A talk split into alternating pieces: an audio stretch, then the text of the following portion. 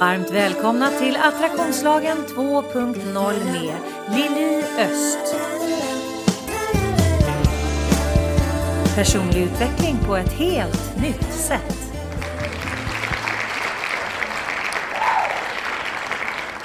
Varmt välkomna till podden. Det är onsdag och idag sitter jag och Anki på varsitt ställe och poddar via Zoom. Och det är väl tur att vi har blivit så himla bra på Zoom, eller hur Anki? Jajamensan, i alla fall du. ja, jag vet inte Eh, strax innan vi spelade in den här så skulle jag kalla till ett Zoom-möte där vi skulle vara fyra personer. Och det kan jag säga, det var väldigt spännande för det, det, det gick sådär. Och den tredje personen fick inte upp, äh, det var jätteroligt. Vi var tre personer, eller den fjärde personen, vi var tre personer som satt i bild och en fjärde person som hela tiden försökte komma in och fick inte igång ljudet. Och, så det är inte helt enkelt med den här tekniken men det är bara liksom att lära sig för det är det här som är det nya normala. Ja, men jag tänker också så här, jag som är sån otrolig relationsmänniska. Jag tycker det känns jättekonstigt att mm. sitta så här och spåna. Alltså jag behöver den här fysiska kontakten för att verkligen gå igång. Mm. Och, och, du är inte ensam om det på något sätt? Måste jag ju arbeta på kan jag säga terapisamtal som utförs framförallt med nya kunder, tänker jag, eller nya klienter, då är det ju Zoom som gäller och där tycker jag, ah, jag tycker det är svårt. Jag tycker det verkligen, det, det är något annat. Ja men det är verkligen det. Det kan jag hålla med dig om. Alltså jag har ju, sen Corona började i början på året så har ju jag, de flesta av mina klienter har ju jag via Zoom. Sen har jag haft några in real life där vi har liksom setts ut, utomhus. Imorgon ska jag ha en, en ny klient. Då ska vi ta en walk and talk. För att situationen är som den är. Men jag tänker också att man missar ju som, som eh, i ditt fall terapeut eller som mitt fall coach så, så missar man ju så otroligt mycket subtila signaler. Det, det, är så mycket som man plockar upp i den här mellanmänskliga när man faktiskt träffas rent fysiskt. Sen får man inte glömma att våra hjärtan pratar med varandra. Den ordlösa kommunikationen två människor har mellan sig, där det liksom går som en åtta mellan våra hjärtan hela tiden och man plockar upp den här ordlösa kommunikationen som, som inte har med kognition att göra eller vårt verbaliserande utan det som vi sänder på en, en hjärtfrekvens. Den är, alltså, den är så stor och den missar vi nu i de här mötena. Och det tänker jag, det är ett annat sätt att titta på den issue. Det är ju mycket, det är mycket problematik med, med att få folk engagerade, att, få, att folk ska känna sig inkluderade i alla de här oändliga mötena vi har online nu. Men det man inte talar om det är ju den här icke-verbaliserade energin emellan oss. För, för, det finns ju vetenskaplig forskning som visar att vi faktiskt pratar eh, ordlöst med varandra genom våra hjärtan.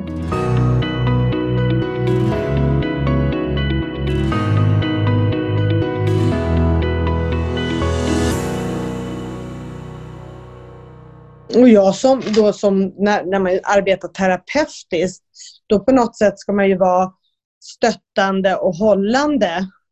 Och den är lite svår.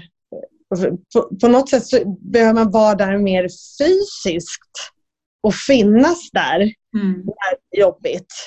För att kunna jobba längre ner eller vad man nu ska kalla det, längre in eller vad man nu ska kalla det. Mm. Eh, och det är ju svårt också. Ja. Men eh, det andra är säkert bättre. Det är säkert bättre. Men vi ser ju många också som första gången säger till mig att de vågar söka hjälp nu bara för att det är per Zoom eller telefon. Ja. Till ett första steg, till ett mm. första möte. Ja. Och det som vi pratar om för när jourhavande präst och sånt, det har ju funnits Ja, det fanns ju när jag var liten per telefon. Eh, man kunde ringa. Det stod ju till och med i telefonkatalogen, den stora som vi hade när vi var små. Där stod det jourhavande präst att man kunde ringa dygnet runt och prata med någon och det är ju också terapeutiskt. Ja. Mm. det, det, var, det, är en, det är en spännande eh, reflektion tänker jag det här med att, att det kan faktiskt vara förlösande att, det, att folk vågar på ett helt annat sätt ta det här första steget för att man inte ska ta sig fysiskt till ett ställe för det kan finnas skämskudde på att ens gå in genom dörren till eh, en psykolog eller eh, terapeut och så vidare. Vi är ju fortfarande sådär kan själviga i det här landet. I USA har ju varenda människa en psykolog liksom. Men vi är ju inte riktigt där utan vi ska bita ihop och härda ut och det är lite mer så här sisu, även det är finskt men jag tror att vi har det rätt liksom mycket av det i vår svenska också. Ja, och det här att man kan smita undan mer i en telefon mm. eller på en dator. Ja. Och dista naturliga distansen däremellan som är säkerhet. Mm. Eh, om jag inte skulle tycka om den här så skulle jag kunna pilla mig i naven samtidigt och tänka att den här timmen går ju snabbt av eller, eller det här man kan avbryta på ett annorlunda sätt än att rusa ut ur ett terapirum om det blir lite för jobbigt. Mm, mm. Så jag tror att det här är också många som och särskilt nu när det är så jobbigt där ute och eh, när man säger med coronan och all den ovissheten vi har, att vi kanske behöver sträcka ut en hand och inte ta allting på egen kammare. Jag tror att många tänker så här, ska man gå till en terapeut eller ska man gå till en psykolog, då ska man vara riktigt illa däran jag tror att det är väldigt få som tänker så här, nej men jag tror att jag ska vara lite proaktiv och söka upp en terapeut eller en psykolog. Men det är samma sak med, med coacher. Det är ju liksom i samma fack, även om inte vi, vi jobbar ju terapeutiskt men vi är inte terapeuter. Man jobbar ju liksom med att, att man jobbar ju med att gå in på, på djupet i människors känslor för att kunna leda framåt. För det är ju det som, som en, en coach gör, mer jobba framåt. Men jag tänker att det är väldigt många som inte har kommit på den här grejen att ha ett bollplank. Att inte bara använda sina vänner utan att gå till en coach eller gå till en terapeut eller en psykolog bara för att sortera i sig själv och jobba proaktivt och se till att jag gör det här för att må bra, inte för att jag mår dåligt. Och för att utvecklas. Ja. På lite andra perspektiv och kanske lite andra frågor. Och vad man kanske inte får av sina nära och kära för att de oftast är det så emotionellt att man ofta tar, tar mer hand om deras känslor och de tar hand om dina känslor på ett annorlunda sätt än vad vi gör som terapeuter. Jo men det är klart. Och sen så är det ju så också att om du till exempel bollar med dina nära och kära, säg att du bollar med din partner. Då finns det ju hela tiden en, en viss, även om din partner vill dig väl, så har ju din partner också sin agenda med er relation vilket gör att jag skulle ju inte liksom eh, kunna sitta och, och pusha min partner att, att lämna mig till exempel. Eller det gör i och för sig inte en coach heller men, men, eh, men att man liksom vågar ställa de frågorna. Vill ha hjälp att gå och tippa över stupet, säg bara till. Nej, men alltså, och det, det, finns ju en egenvinning eller man ska säga när man, när man bollar både med vänner eller sin partner och det finns hela tiden liksom en så här mycket kan jag säga men jag kan inte säga allt. För man vågar mm. inte sänka garden, man vågar inte känna sig så extremt sårbar och lämna ut sig själv till 100% utan det kanske är att man sparar en liten bit. Men den behöver man inte spara när man pratar med någon som absolut inte har någon relation till dig. Nej, precis. För att man sårar ju inte en, en, en terapeut eller en coach genom att tala om vad man egentligen känner och tycker. Utan det är ju liksom, det, är det som är på bordet när man är hos någon som, som man pratar eh, coachande eller terapeutiskt med. Det är ju att få upp allting på bordet för att kunna hjälpa personen i fråga att sortera. Det är många som inte har liksom kommit på den grejen ännu. Med tanke då på eh, hur det ser ut nu med att vi är jättemycket hemma vid. Det kan ju vara så antingen att vi lever i ett eh, ensamhushåll som, som du och jag pratade om för, för några, någon månad sedan när du hade sett en studie på att det var, vad var det, 18 procent av Sveriges befolkning som lever i ensamhushåll. Det var det va? Ja, nu kommer det. Tror det var 18 procent varav 51 var kvinnor och 49 procent män. Ja. dels har vi dem, eh, men sen så har vi den, den, liksom den kategorin, men sen har vi också den här kategorin som lever i en relation. Och om man då tittar på hur olika man kan vara i reaktion på det som är med till exempel med den här oron och den här ovissheten som vi lever i nu. Det kan ju vara så att en av parterna är jätteorolig och liksom målar fan på väggen i förskott hela tiden och går in liksom i, i affekt hela tiden medan den andra kanske inte alls är liksom lika benägen att, att, eh, att läsa in oro och ta ut oro i förskott och däremellan tänker jag att det kan bli en, en enorm friktion, eller hur? hur? Hur ser du på det från ditt håll? Du lyssnar på Attraktionslagen 2.0. Personlig utveckling på ett helt nytt sätt. Ja, eh, det, det, brukar man ofta säga att ena parten kanske är lite mer saklig mm. medan den är väldigt emotionell. Och oftast är den här personen som är emotionell kanske inte riktigt blir mött i sin oro vilket gör att den förstärker det här ännu mer och det grävs ännu mer tyngre i en eller fylls mycket mer av oro av en bara för att man inte liksom får en bekräftelse på det. Nej men precis. Och det kan ju också innebära att den personen som man då lever med, som är lite mer saklig, då, då kanske mer in, tycker också att man är jobbig, man är gnällig. Och det innebär ju ofta att man blir lite mer gnällig. Ja, men det är klart. När man inte blir ja. hörd. Ja, och, och det kan ju vara jättejobbigt i, i förhållande och det här är ju samma sak med både vänner, arbetskollegor, allting. Det, det finns ju alltid de personer som, som man tycker är lite mer gnällig och lite mer tjatar om någonting som är jobbigt. Medan en del personer är de som säger ja, ja, men vi vet inte, det, det ordnar sig säkert. En mm. sak är säker, det måste bli bra. Mm hur det än blir. Och det är ingenting eh, som är rätt eller fel. Men det jag brukar säga när jag sitter just i terapeutiskt eller coachande, det är ju det här vikten själv att ta ansvar för, för vi har ju en förmåga att bli negativa. Vi har en del i oss att det är mer negativt i, i genetiskt, alltså från början. Och då måste vi ha ansvaret på att kunna backa hem oss själva och se så här, men vänta ett nu är jag väldigt negativ. Nu tänker jag väldigt mycket på sjukdomar, statistik på hur många det är som dog just i Corona just nu och, och eh, hur många som är inlagda på sjukhus och allt vad vi matas med hela tiden i media. Och då tänker jag så här, då måste jag ha ett ansvar och se så här, ja men så här är det. Antingen så gör jag så att jag försöker bygga på det positiva. Vad är positivt av den här dagen? Vad har hänt som är roligt under den här dagen?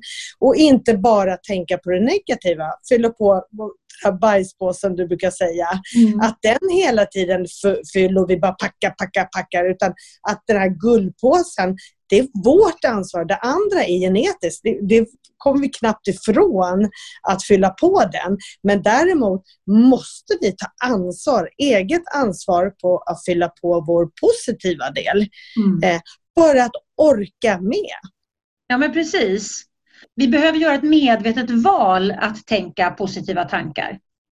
Eh, mm. negativa tankar går på automatik. Positiva tankar är ett hela tiden ett medvetet val. Och, och, där, precis som du säger, vi måste ta det här egna ansvaret och det är ju en färskvara. Det är ju nu, nu, nu, nu, nu, nu, nu, nu. Mm. Eh, så att, att jag, jag får ju inte roligare än min senaste, min senaste tanke liksom. Nej, Jag mår inte bättre än min senaste tanke eller mitt senaste fokus. Och, och där tänker jag också att eh, just under den här perioden när vi är så olika, vi tolkar saker så olika, vi är antingen en oroare eller en mer saklig person som, som kan, ja men det, det, kommer, det kommer att ordna sig. Jag levde i en relation en gång med, med en man som var fyrkantig och, och det var viktigt för honom att, att ha kontroll. Och jag är mer en flexibel person som har väldigt hög tillit till att även om det händer negativa saker så, så kommer det finnas en lösning. Jag har det liksom mm. inbyggt i hela mitt system. Och han tog ju det som nonchalans. Mm. Mm. Och det var ju absolut inte nonchalant utan vi, vi, har, vi hade så olika läggning som människa. För jag var absolut inte nonchalant men bara för att någonting är så betyder det inte att vi behöver eller ge det allt vårt fokus. Eller att vi har att vinna på att ge det allt vårt fokus. Utan vi mm. kan konstatera, ja det här är dåligt, det här är illa, men allt det här är bra. Det är jätteviktigt att påminna sig själv om att parallellt med saker som suger energi finns det också saker som ger energi. Men mm. eftersom vi har nedärvt i vårt system och som är då en överlevnadsstrategi att vi går in i affekten. Vi, vi blir våra känslor. Vi, vi, vi har dem inte utan vi blir dem. Och, och om man tillåter sig själv att liksom bygga bo där. Jag brukar säga ibland så en del människor bygger liksom trevåningshus med balkong och pool i bajspåsen. För att de är liksom där hela tiden och, och joxar. Men om vi blir medvetna om att vi har faktiskt ett val. Och, och det här mm. valet behöver vi bli medvetna om framför allt nu i de här tiderna när det ser ut som det gör, tänker jag. Och där, därigenom måste vi stansa in det på något sätt. Och, och det är som en sån klassiker att skriva fem bra saker om sig själv eller fem bra saker man tycker man har gjort, utfört eller hur man, man upplever sig som person positivt om man gör det när man går och lägger sig och lägger blocket vid sidan om och gärna per penna, även fast vi är så duktiga på det här med paddor och sånt. Ta pennan och skriv det. Skriv gärna det på ett fint block eller, eh, eller en bok som man har, då somnar vi ju med den känslan. Mm då har vi ju, då har vi tagit ansvaret där. Mm, mm. Eh, och man kan även göra så att man gör en övning, att man lägger, skriver allting, man skriver av sig lite allt det här man är orolig för i den här grottiga bajspåsen. Och sen så lägger man ner det pappret på marken och så skriver man det papper med det positiva. Och sen så lägger man fokus på det. Då har man på något sätt skrivit av sig det negativa, det som trycker en, det man tycker är obehagligt. Aktivt har man gjort det, man har gjort ett aktivt val att göra det. Och sen så flyttar man fokuset och gör detsamma fast det positiva som vi vill faktiskt förstärka. Mm. För då har vi också tillåtit båda sidorna. För vi kan inte bara trycka bort oron. Om vi har den där oron, och, för det är ju det är också din sanning. Men du måste förstärka den andra sanningen också. På min hemsida liliost.se hittar du massor av matnyttig information både för dig som privatperson såväl som för er som företag. Du hittar mina onlinekurser och vad som är på gång och aktuellt just nu. Du kan köpa mina böcker och få dem signerade och du hittar min musik, bland annat vignettmusiken till podden. Och under fliken gratis har du nedladdningsbara pdf och minikurser som kan hjälpa dig att lyfta ditt liv och teamet till en ny nivå. Vi har ju en tendens till att förstärka de negativa sakerna och förminska de positiva sakerna eh, rent genetiskt beroende på också läggning, vad man är för typ av person, så kan ju en del människor förstärker ju liksom de, de eskalerar i förstärkning av de negativa sakerna men de positiva sakerna är inte så mycket att prata om. Det är som jag, säger, jag brukar säga att det, det är väldigt sällan vi ältar positiva saker. Mm. Det är inte så här, ja, men, vänta, jag måste bara berätta. Jag vet att det är så här, eh, det är sjunde gången jag säger det nu och sen så säger man det här positiva man vill säga. Alltså, det är väldigt sällan att man gör det men däremot så kan jag upprepa sju gånger något skit för dig utan att blinka. Och du tar emot det utan att blinka. Men skulle jag då säga de andra grejerna till dig sju gånger, då skulle du kanske till och med kräkas på mig för att men gud, håll inte på att tjata om den här jävla vinsten du gjorde nu. Herregud, hur många gånger ska jag behöva höra att du har vunnit fyra miljoner? Men däremot kan jag gärna tala om för dig att jag liksom, alla de här skitprylarna, de tar, alltså de, vi har ju en tendens till att ta emot eh, negativa saker enklare än positiva saker. Ja. Det jag skulle säga var att när du sa att man, man är så som person. Man är inte sån som person utan man väljer att vara sån person. För du har ju själv ett val hur du vill både uppfattas och vad du vill förmedla och vad du vill lägga din fokus på. Absolut. Man kan inte skylla på, ja, men jag är en känslig person. Jag är en person som ältar mycket. Nej, du väljer att vara en person.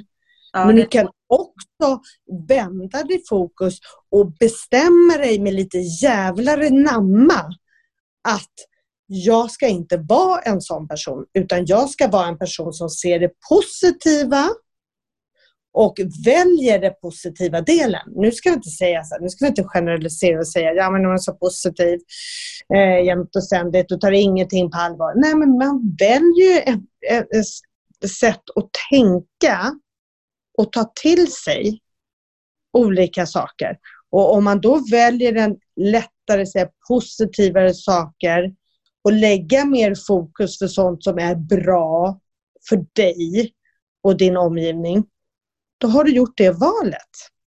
Ingenting som är lätt. Jag vet, men det är träning och det är som vi sa, jag tror jag har sagt det tusen gånger, jag säger alltid till mina klienter, det här med mental styrka och tränar på men, mentala, det är precis som att gå och träna rumpmuskeln till sommaren. Mm. Det är inte så att den blir inte snygg rumpan på två gånger på gymmet utan du måste gå dit kontinuerligt och bestämma dig. Mm. Hela det här som du sa, det är jätte, jätteviktigt. Det är många som, alltså jag, jag kan alltid bli fascinerad när, när folk säger så här, nej men jag bara är så. Och då tänker jag så här, men liksom, är det något som gagnar dig att vara så eller? Mm, och då har den personen nog valt att vara så. Ja, absolut. Jag håller 100% med dig att Ja. våra, hur vi är, är valet vi gör. Mm. Och vi kan alltid bli ett, en bättre version av oss själva om vi märker att den person vi väljer att vara inte gagnar oss, inte eh, skapar bra relationer till andra människor eller gör att vi skapar bra saker för oss själva i vårt liv. Det handlar inte om att man ska eh, bli en, en, en bättre människa utan det handlar om att man ska bli en människa som mår bättre, tänker jag.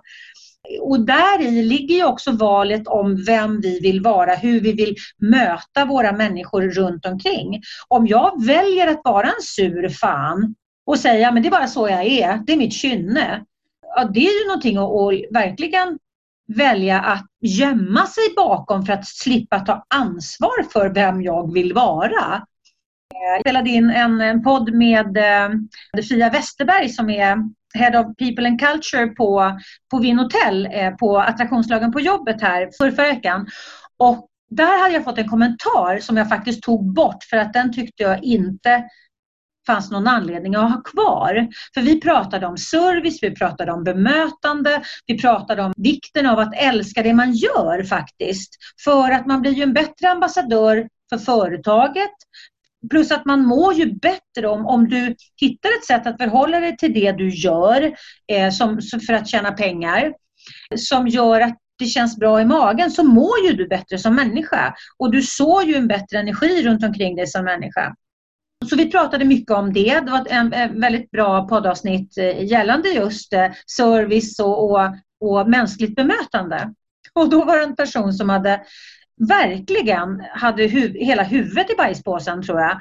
Som bara, tror, tror du att vi, att vi jobbar för att, för, att vi, för att ni ska älska oss eller? Och fy fan och tvivale och, och blaha blaha med service och visa omtanke och så vidare. Den här människan gick bara helt berserk i att bara äcklas av att överhuvudtaget behöva tänka på service på det sättet. Och jag blev så fascinerad över den reaktionen. Men, men jag tog bort den för jag tyckte inte att den hade ingenting där att göra för att jag vill sprida positiv energi runt omkring. Sen kan folk tycka vad de vill men, men jag, jag blev så fascinerad över, för jag tänker hur mycket frustration och rädsla och ilska, uppdämd ilska, det ligger bakom ett sådant uttalande. Jag tänker också vilken energi den personen har som, som la ner sånt liksom, engagemang på att först haka upp sig Ja. och sen så bilda sin egna uppfattning. Mm. Sen skriva ner allt det där. Tänk om den kunde kanalisera det på något annat. För att du ska känna dig inspirerad att fortsätta följa podden ser hösten lite annorlunda ut. Varannan vecka blir det till exempel poddar både onsdag och fredag. I fredagsavsnitten bjuder jag in gäster och vi pratar attraktionslagen på jobbet. Jag kommer ha en stående gäst, Anki Brommert, som arbetar som parterapeut och ledarskapsutvecklare. Och våra samtal spänner definitivt över högt och lågt med fokus på relationer. Jag kommer blanda in poddavsnitt om vetenskap och forskning inom mitt breda område.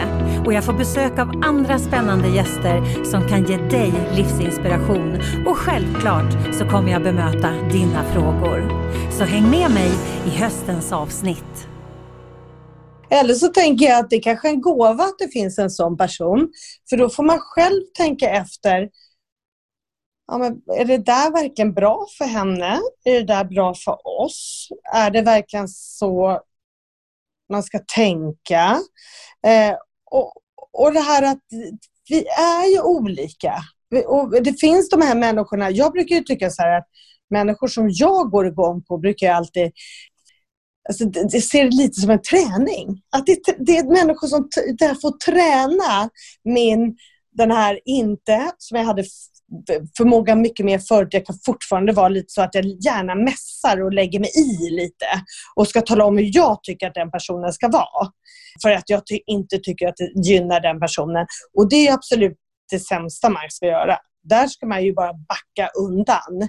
Och därför brukar jag tycka sådana, sådana människor, ja låt dem vara. Om de orkar lägga ner den energin och, och, och tycka på det sättet, det är ju bara sorgligt, tänker jag. Ja, det är jättesorgligt. Det är jättesorgligt. Tänk om den personen kunde lagt sin energi på annat. Ja, men det måste ju finnas en fruktansvärd ilska hos den personen. Ja, men tänk att kunna sätta över den inställningen till något positivt. Mm. Men just den här att, att, kanalisera så mycket kraft, så mycket uppdämd kraft som man kan ha inom sig då. Att mm. transformera den här till någonting positivt. För det har du och jag pratat om tidigare. Ja, eller som den där övningen som du sa när man ställer sig jag har gjort det som durka i, i, i yogan, att man ställer sig eh, med böjda knän och sen så bara vräker ur sig eh, det man tycker och tänker. Eh, du gjorde någon yxa-variant. Ja men precis, att man, ja. att man står bredbent och så låtsas man, man knyter ihop händerna liksom och så, så låtsas man som man har en yxa i handen. Och sen så mm hugger man ved, man liksom bara ha! Eh, och det ska mm. verkligen komma från, från eh, djupet av eh, dina lungor, det här aha, för att få ur den här energin. Sen har jag ju också gett mina, eh, mina klienter lite så här, jag jobbar ju inte riktigt som alla andra coacher. Eh, men just det här för att jag tänker att när man är sådär irriterad, när man är så frustrerad och man inte får ur det ur sitt system, då blir det ju så som att topplocket går. Som att man skriver liksom konstiga inlägg på Facebook eh, för att man är så förbannad. Inte just på den här personen, men just den personen fick en smocka också för att man är så generellt skitförbannad. Eller generellt skitbesviken eller vad det nu kan vara för någonting. Som man liksom aldrig pyser ut. Ja, men man kanske är skitirriterad på någon, man kanske är irriterad på sin partner. Nu är det ju väldigt många som, som eh, är, är lite friktion hemma vid för att man är så mycket hemma. Folk inte är vana att vara så här mycket tillsammans med varandra och kanske dyker upp man, kanske inte, man kanske till och med inser bara att man inte riktigt gillar personen man lever med. Men det är mycket frustration som dyker upp tänker jag. Och om man inte då pyser ut den lite grann då kan det ju vara så att man eh, liksom topplocket går och då kanske man säger jättemycket dumma saker. Jag tänker ett, ett sagt ord kan aldrig bli osagt. Och det kan skapa fruktansvärt mycket skada. Men för att inte då orera eller liksom inte ta ut alla de här grejerna på, på en person. Så, men man behöver ändå få ordet sagt så kan man ju faktiskt göra det du föreslog att man skulle liksom skrika in en kudde. Jag har gett mina klienter tips om att gå loss på, på dörrkarmarna med en ihoprullad tidning. Mm. Men mm. sig och säga de här sakerna fast inte när personen i fråga är där. Det är meningen att ingen ska höra dig men att du ändå får ur dig det här ur ditt system. Mm, mm. Vi, kanske ska, vi kanske skulle liksom starta något ställe du och jag Anki där vi har skrikrum. Ja, just man kan ju sådana här liksom skrikmeditationer och starpa i marken. Med, alltså det är ju jätteskönt. Ja men det är fantastiskt. För ibland, ja men ibland så behöver man säga de här sakerna. Och, liksom, och inte skräda orden och, och försöka. För att jag menar om jag ska berätta för någon och jag vill landa väl med den här personen. Då är det ju liksom inte att kalla den här personen din dumma jävla jubelidiot. Eh, utan då behöver jag ju liksom omformulera mig lite grann. Men jag kanske mm. har en känsla i min kropp som bara skriker din dumma jävla jubelidiot. Hela, varenda cell i min kropp vill mm. säga detta. Ja men då är det mm. rätt bra liksom att få säga det och gå loss med, med den hoprullade tidningen på, på dörrkarmarna och säga de här sakerna fast personen eller någon annan heller liksom som, som kan tolka det är i närheten. Men att få ur det ur sitt system. Mm. Jag och Anki kanske ska fundera på, vi ska eh, öppna liksom eh, skrikoteket.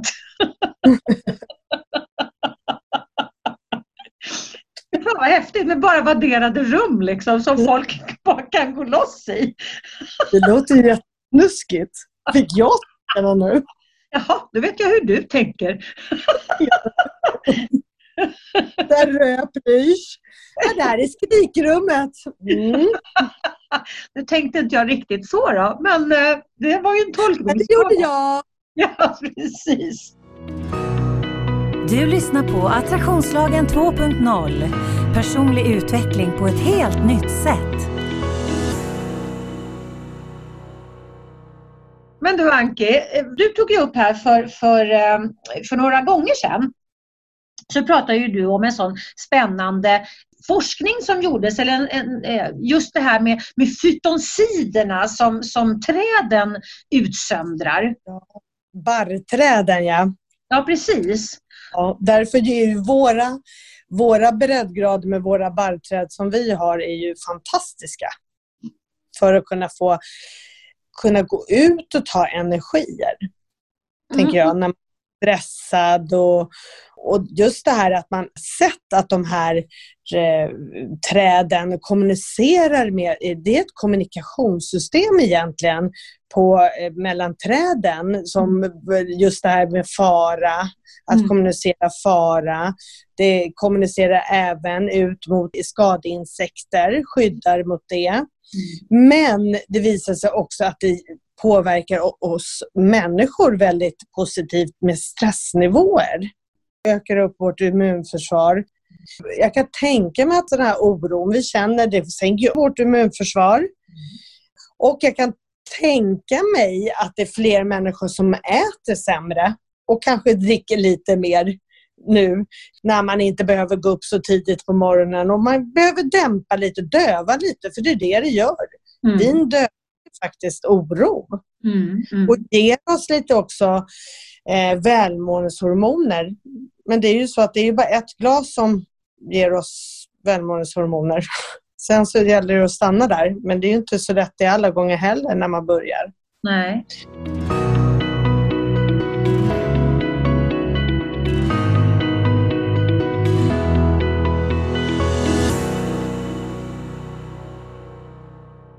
Nej, men de här fytonsiderna, de gick jag igång på eh, och, och, och, blev så intresserad. För jag tänkte så här, barrträden, de får ju de här fytonsiderna genom sitt rotsystem.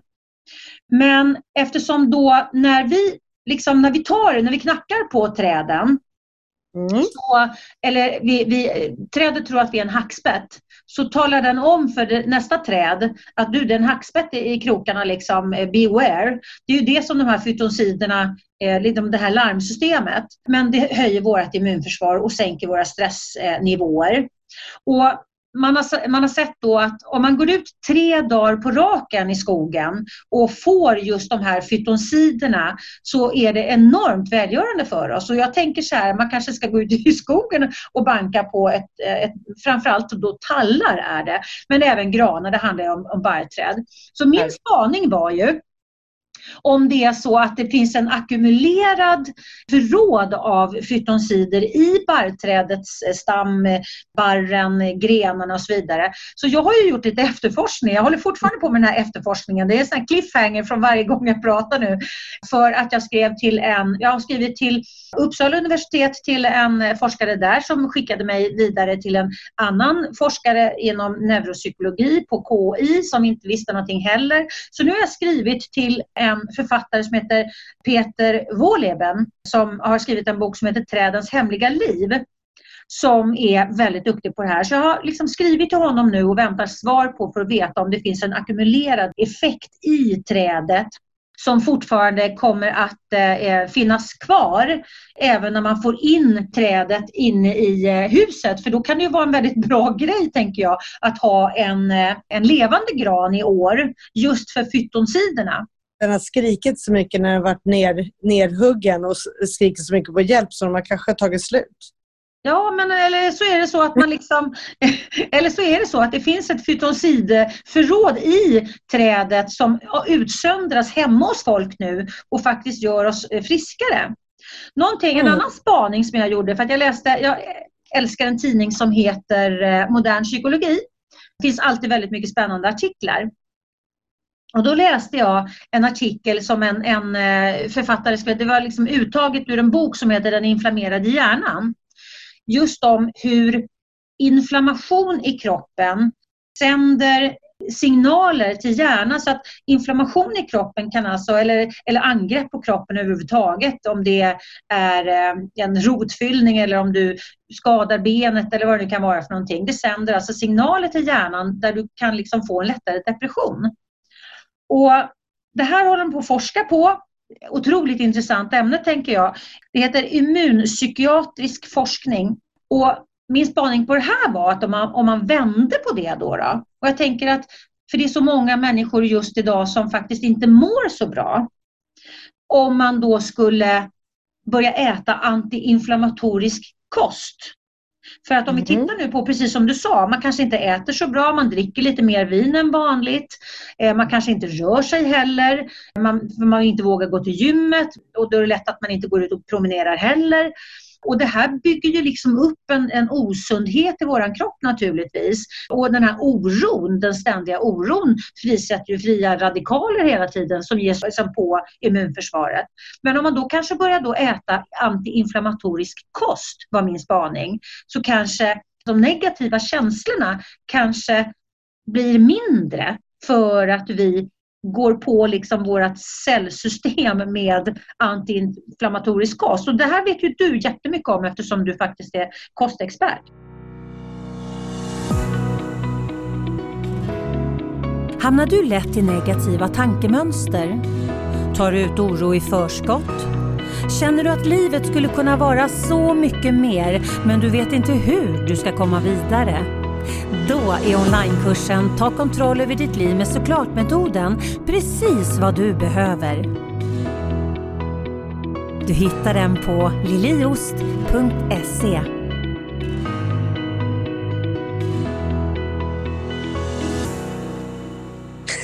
Nu vart jag kostexpert också. Du är alltid expert. Förra gången var jag träningsexpert. Jag tror jag är bäst på allt. Ja. Det gillar jag. Men du, berätta, berätta lite grann om, om eh, vad, vad, vad, tänker du om det? Vad tänker du om min spaning? Nej, men det jag tänker på det är antiinflammatorisk kost. Eh, det, det, ser man ju väldigt mycket i forskning nu att det är bra för kroppen. Det bygger ju också att, att immunförsvaret blir förstärkt. Och, och det vi ser också när vi äter för mycket socker vi dricker för mycket alkohol, vilket är också, det är ju både socker och gifter i eh, alkohol, så är det ju. Det innebär ju att vi blir sega i roten. Vi blir långsammare, går på fel energikällor. Mm. Och därigenom mer och mer mottagliga för sjukdomar och går ner i, i psyket mentalt. Mm. Det på något sätt går ju hand i hand hela tiden. Mm. Och, och, det enda vi kan ta ansvar för det är att äta så pass bra som möjligt. utifrån den, de förutsättningar vi har. Och det är ju där återigen vilka ansvar vi tar, vad vi vill göra, vad vi vill äta. Och sen så träna eh, för att kroppen ska få sitt. Mm. Och då mår vi automatiskt också bättre. Mm. För det har man ju sett när människor börjar träna på gym och äta bättre. Helt plötsligt motiveras vi ju att äta ännu bättre. Mm.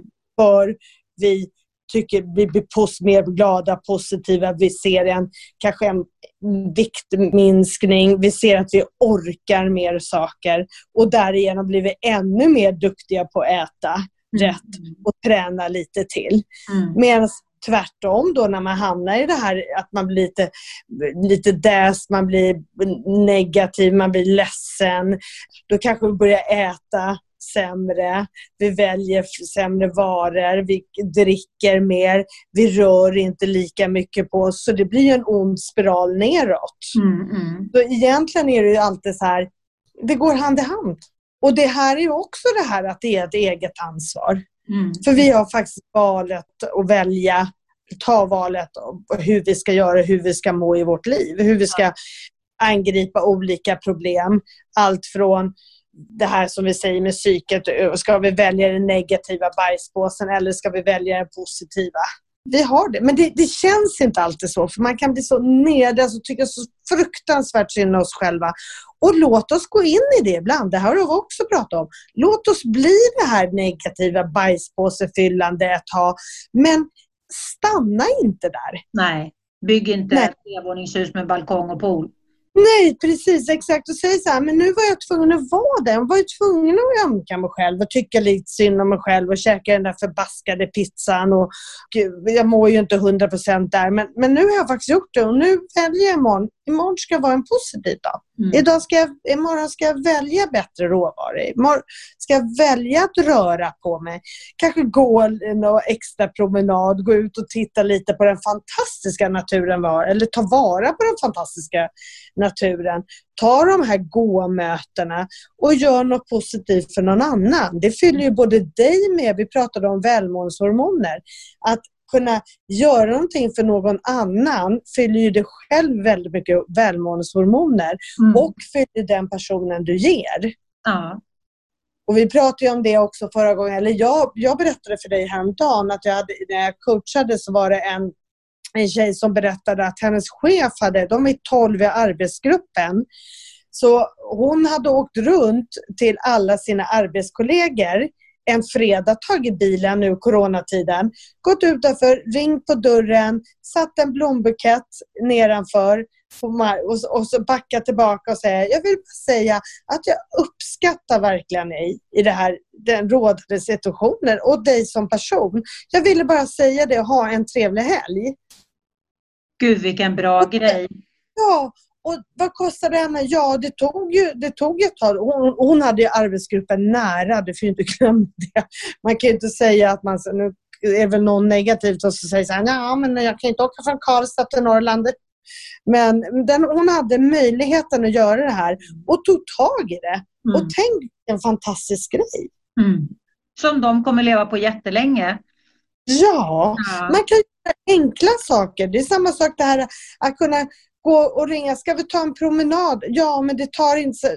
Jag, jag har bara 20 minuter, en kvart, men den här kvart, 20 minuter, det fyller ju både dig och någon annan. Ja, och det är så viktigt att förstå det här med valet och vi behöver göra aktiva val. Vi behöver axla det ansvaret att faktiskt se över våra val. Och det tänker jag är en bra grej att liksom göra en closing på vårt samtal idag att mm. uppmana eller inspirera snarare våra lyssnare att se över dina val. Vad är det för val du gör som leder dig i en riktning där du får en bra känsla i magen och i vilka val är det du leder dig själv till situationer och resultat som ger dig en dålig känsla i magen. För vår mm. känsla, våran känsla är det viktigaste vi har med tanke på att det är genom känslan som vi interagerar med attraktionslagen och, och liksom påverkar vilken frekvens vi lägger oss och sänder på. Och om inte vi ska vara i bajspåsefrekvens hela tiden, då behöver vi faktiskt ta vårt eget ansvar och, och, och bestämma oss för att, att gå in aktivt och göra valen och inte bara liksom låta saker hända och kanske inte alltid överrumplas av våra känslor hela tiden utan vi har våra känslor, så som vi pratar om. Men vi ska också kunna backa ifrån en känsla och säga, är det här verkligen bra för mig? Mm. Ska jag vara ner och grotta i den här känslan? Eller välja ett aktivt val att välja eller välja bort den känslan just nu, för den gynnar inte mig. Mm. Klokt Anki. Jag tänker så här att vi har sagt det förr och vi säger det igen. Är det någonting som du känner att du skulle vilja att jag och Anke tar upp här i podden så mejla gärna på lili.liliost.se eller på Anki, A-N-K-I, punkt Brommet, B-R-O, M-E-R-T, telia.com. Mejla oss gärna med dina funderingar, dina utmaningar kanske, eller vad du vill att vi ska prata om här i podden. Så hoppas jag verkligen... Om det är fråga också, tänker jag. Absolut, frågor. Absolut. Vi vill inte ta upp den podden, men man kan ju ta upp ämnet, för det kanske är nog fler som tänker samma sak. Jo, men precis, precis. Men härifrån våra olika små studios så önskar vi dig en magiskt fortsatt vecka. Tack snälla. Ha det bra Anki. Ja, tack. Hej då! Hej då! Du har lyssnat till Attraktionslagen 2.0 med Lili Öst. Följ mig gärna på Facebook på Attraktionslagen 2.0. Tänk efter lite grann. Hur har du det omkring dig nu? Är du nöjd? Är du nöjd var är du i ditt liv? Har du funderat på att ta ett annorlunda kliv? Känner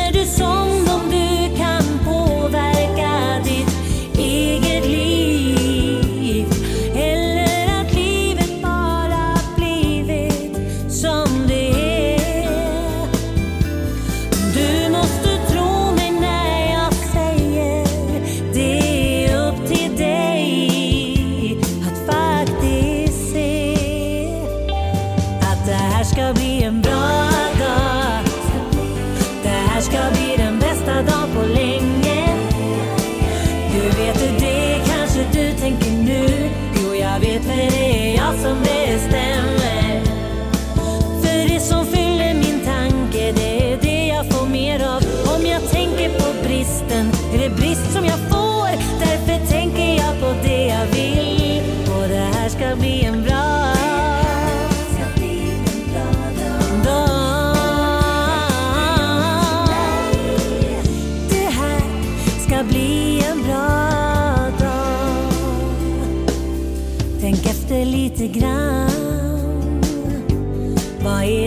du tänker på.